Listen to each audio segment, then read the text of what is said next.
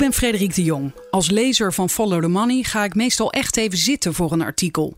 Verhalen waar zo lang aan gewerkt is, kun je bijna niet in vogelvlucht tot je nemen. Het liefste zou ik willen dat de redacteur naast me zat om uitleg te geven. En dat is nu het geval. Welkom bij FTM Audio. I know you're gonna dig this. Rob Voorkink, je artikel staat online. Waar gaat het over?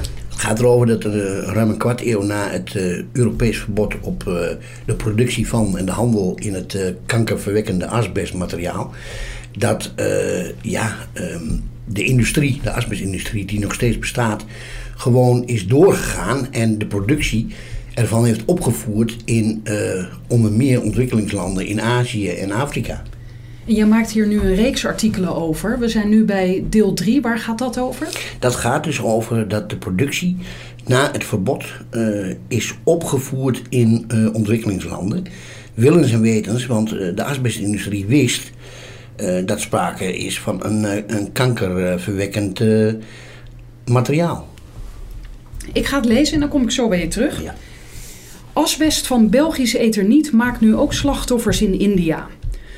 Toen asbest hier werd verboden, voerde het Belgische concern Etherniet de productie in India op. Met desastreuze gevolgen.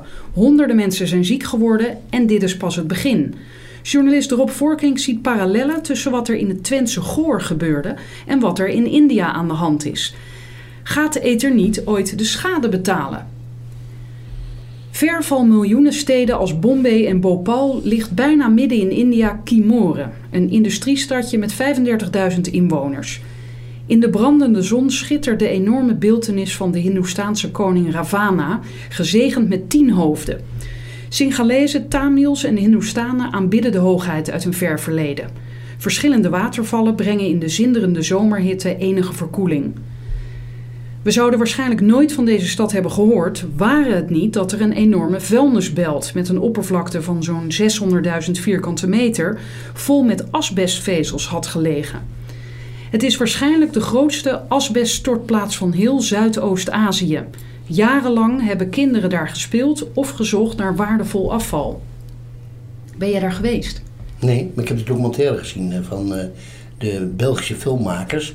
En um, ja, daar val je nu midden in, maar er is dus vorig jaar zijn er opnames gemaakt in India door uh, twee Belgische filmmakers, dus Daniel Lambo en Maarten Schmid. En die hebben dus uh, ja, in beeld gebracht uh, dat daar sprake is van zo'n grote vuilnisbeeld. Maar dat daar inmiddels ook ja, behoorlijk wat mensen, niet alleen arbeiders, fabrieksarbeiders, uit de ethernietfabriek die daar staat, maar ook uh, uh, uit de lokale bevolking, dat er mensen gewoon ziek zijn geworden door de asbest. Die asbest is afkomstig van meerdere fabrieken van Etherniet SA, het Belgische bedrijf waartoe ook de fabriek in Goor in Twente behoort. Nadat in 1999 het gebruik van de kankerverwekkende delfstof in Europa verboden werd, besloten de eigenaren van Etherniet de lucratieve productie van asbest in Azië en Afrika voor te zetten. Sterker nog, de productie werd daar opgeschroefd.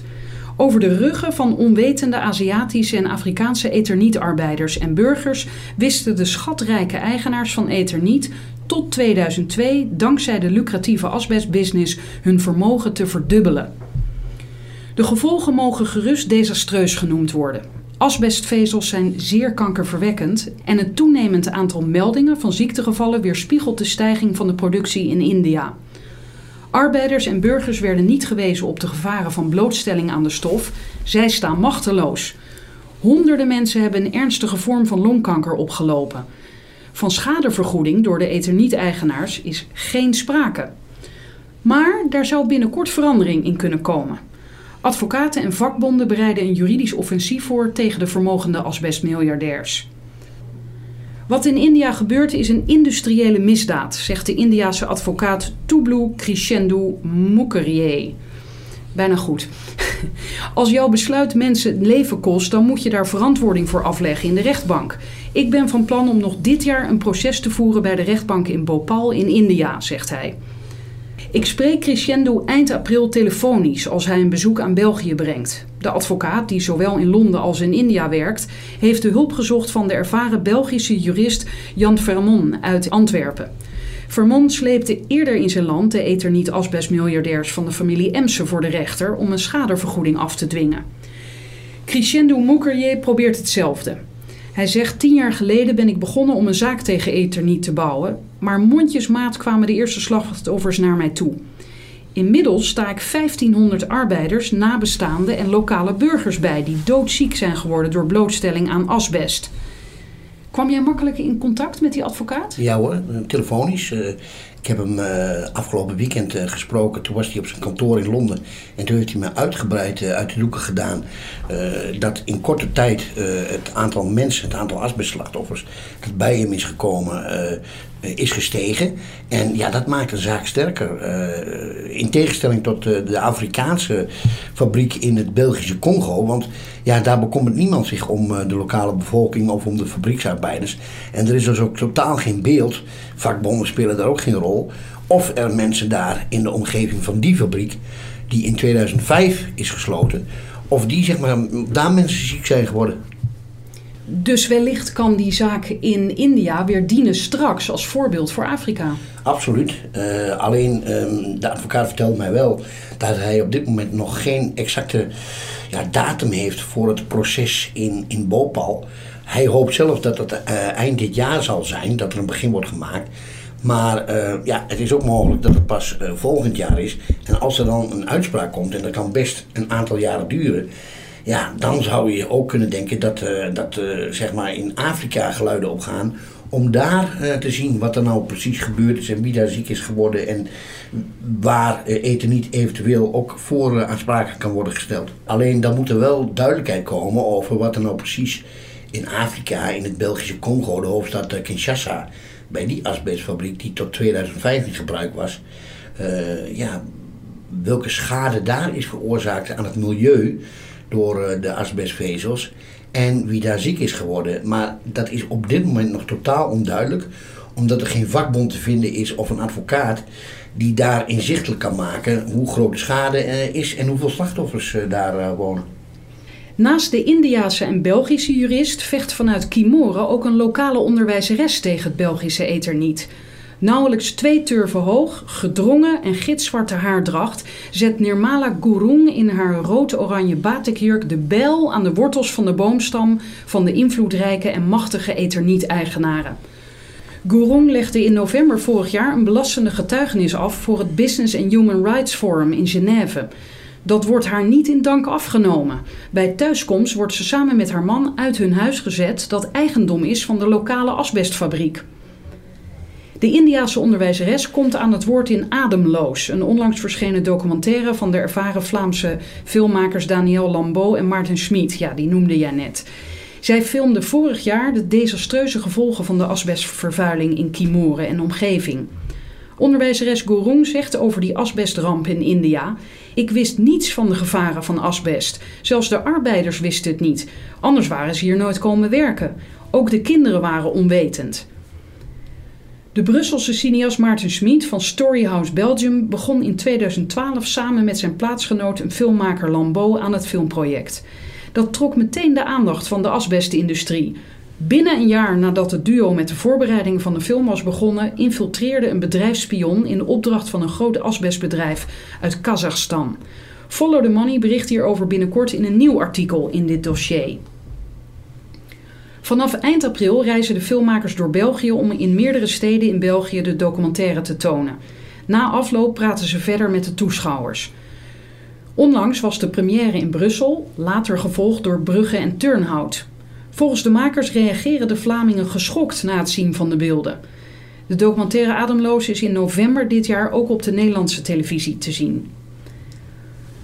Onder de naam Everest heeft Etherniet in India tot 2002 vijf fabrieken gehad. Eén locatie is al geopend in 1995, twee jaar na het Nederlandse asbestverbod. Filmmaker Lambeau vertelt dat hij tijdens de opnames in India hoorde hoe fabrieksarbeiders van Etherniet werden beschermd. Hij zegt: De arbeider kreeg de verplichting een helm te dragen, maar dat had totaal geen nut, want hij zat met zijn handen in het asbest te ploeteren en ademde de dodelijke stof in. De richtlijnen waar mijn vader 30 jaar geleden voor had gevochten, worden in India nog altijd niet gerespecteerd. Nee, kan je nagaan wat een onwetendheid er inderdaad was. Eh, die, die helm werd hem aangeraden en dat ging hij nog doen ook. Ja, maar ja, kijk, je, je moet het zo zien, vooral in ontwikkelingslanden. En heel vroeger gebeurde dat bijvoorbeeld ook in, in, in, in het Twentse Goor. Ja, die mensen die wilden graag een baantje. Nou, uh, eten niet betaalde relatief gezien goed. En ja, de mensen maalden niet om de gezondheid. Of de gevaren van werken met dat stofje. De documentairemakers komen in de film met een verklaring waarom Etherniet zich vestigde in het afgelegen Kimoren. Het is een deel van de strategie die environmental racism wordt genoemd, zegt Lambeau. Multinationals doen dat vaker. Een verarmde plek uitzoeken, ver weg van alles. In Amerika zie je dat fenomeen bij de chemische industrie, bijvoorbeeld in Louisiana. Eén regio daar wordt zelfs Cancer Alley genoemd. Kijk, en daar, heb je, nou, daar heb je nou precies de parallel, zeg maar, in begin vorige eeuw, in 1937, uh, planten eten niet vanuit België, dus een fabriek in het Twentse Goor. Nou, dat was achterland destijds. Uh, onderontwikkeld, uh, gebrek aan werkgelegenheid. Uh, tukkers hebben nou eenmaal de mentaliteit om niet te zeuren, maar hard te werken. Nou, en dat sluit dus naadloos aan bij de theorie van deze documentairemakers, die dus zeggen van dat doet de, dat doet de dingen bewust. Ja. Etherniet is al sinds eind jaren 80 actief in Azië. De Belgen kopen uit de failliete boedel van het Britse bedrijf Turner Newall vier vestigingen op en bouwen er in 1995 nog één bij. Etherniet profiteert van de ondergang van de Engelse asbestreus, die was bezweken onder de last van miljoenen claims van asbestslachtoffers. De Belgische multinational heeft daar totaal geen last van en van gewetensbezwaren evenmin. Integendeel, Jean-Marie Emsens, pater familias van de Belgische Etherniet-eigenaren, zegt in die periode tegen Belgische media: De vraag naar asbest in ontwikkelingslanden zal blijven toenemen op lange termijn. Hij beseft dat in Europa de productie van de kankerverwekkende delfstof aan banden zal worden gelegd. Een verbod geldt vanaf 1993 in Nederland. België zal volgen in 1998 en de hele Europese Unie in 1999. De inkomsten zullen opdrogen. Maar in derde wereldlanden wordt de regelgeving, als die er al is, slecht gehandhaafd. Etherniet maakt daar tot in 2002 bewust gebruik van. Zeker zo'n vier jaar na het verbod in België. Dit is toch echt schandalig? Ja.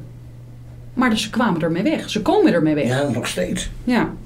In 2002 verkoopt Etherniet in India de fabrieken één voor één aan lokale ondernemingen die nog steeds asbestproducten maken. Maar dat betekent niet het eind van de productie van asbest door Etherniet. Tot 2005 genereert de Belgische moedermaatschappij via een meerderheidsbelang in een fabriek van bouwmaterialen in de snelgroeiende Congolese hoofdstad Kinshasa nog de nodige inkomsten met de fabriek van asbesthoudende bouwmaterialen. Daarna stoot de Belgische multinational in dit Afrikaanse land de onderneming af. Want daar zagen ze wel in dat ze te ver gingen? Of? Ja, nee, ik bedoel, eh, op enig moment komen ze er natuurlijk niet meer mee weg. Dat ze gewoon blijven doorgaan met het produceren van, van asbest. En er is inmiddels ook een, een, een, sterke internationale anti-asbestbeweging, de IBAS.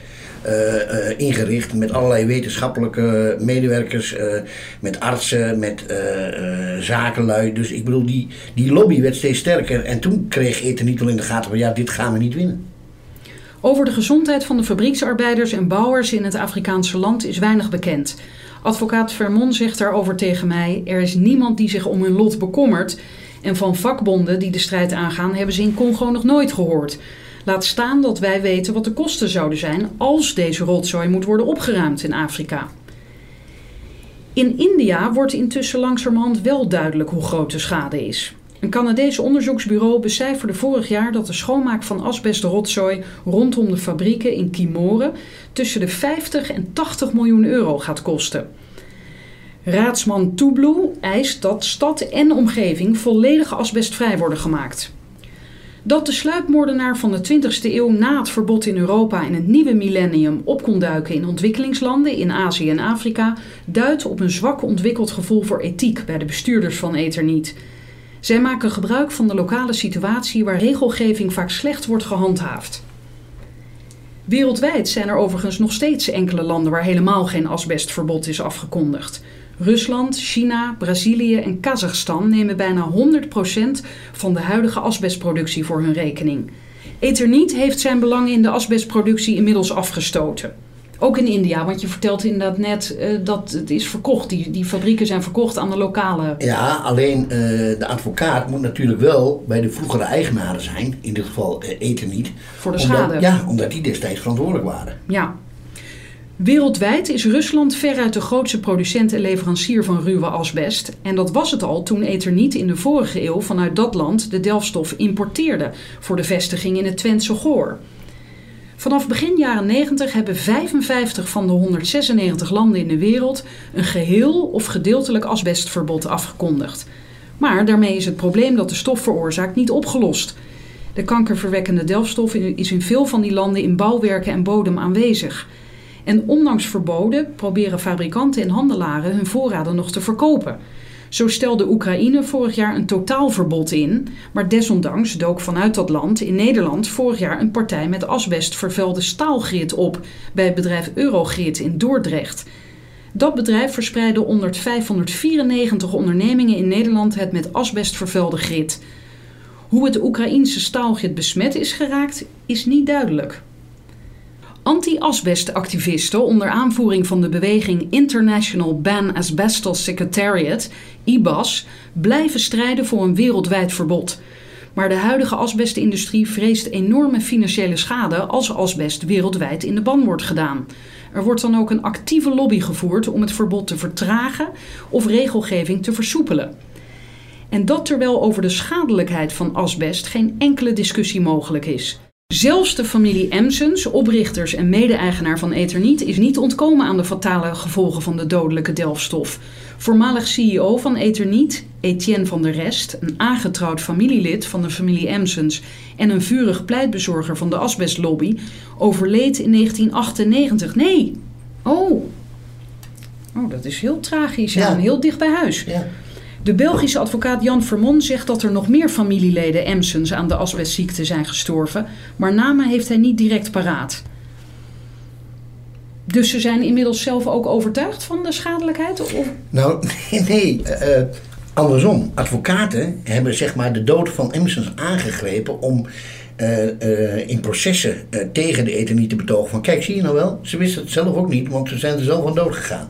Nou, dat wordt door de Belgische advocaat Vermont eh, betwist.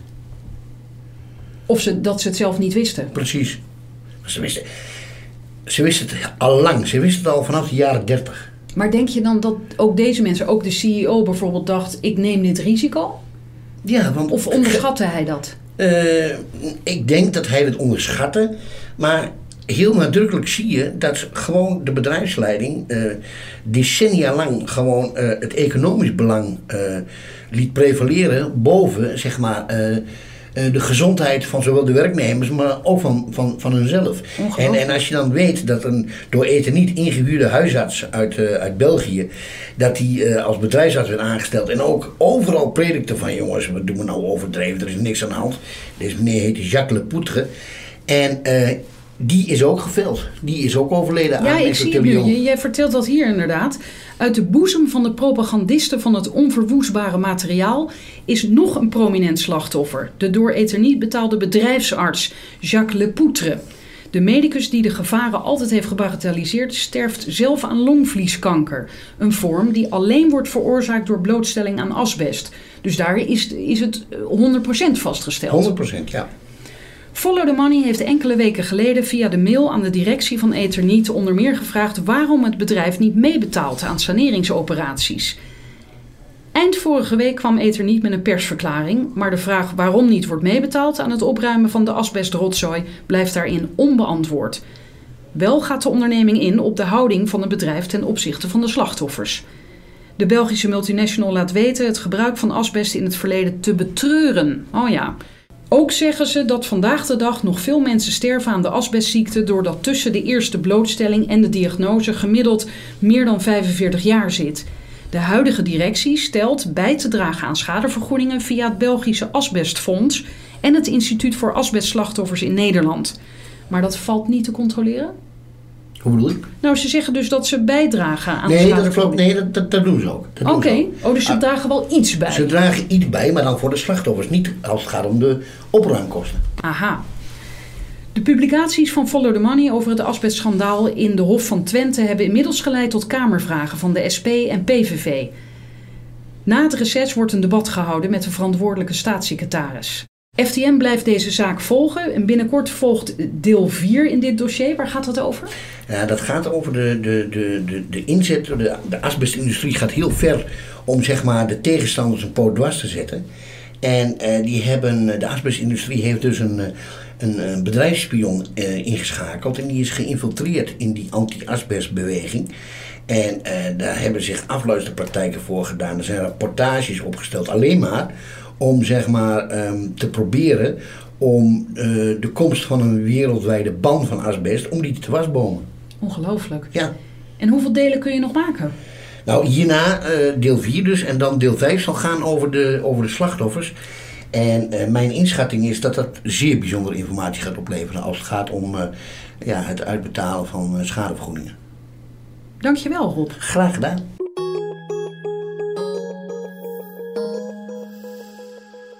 Tot zover FTM Audio. Ga voor meer geschreven verhalen naar ftm.nl. Ik meld me snel weer met een audioartikel. Dag!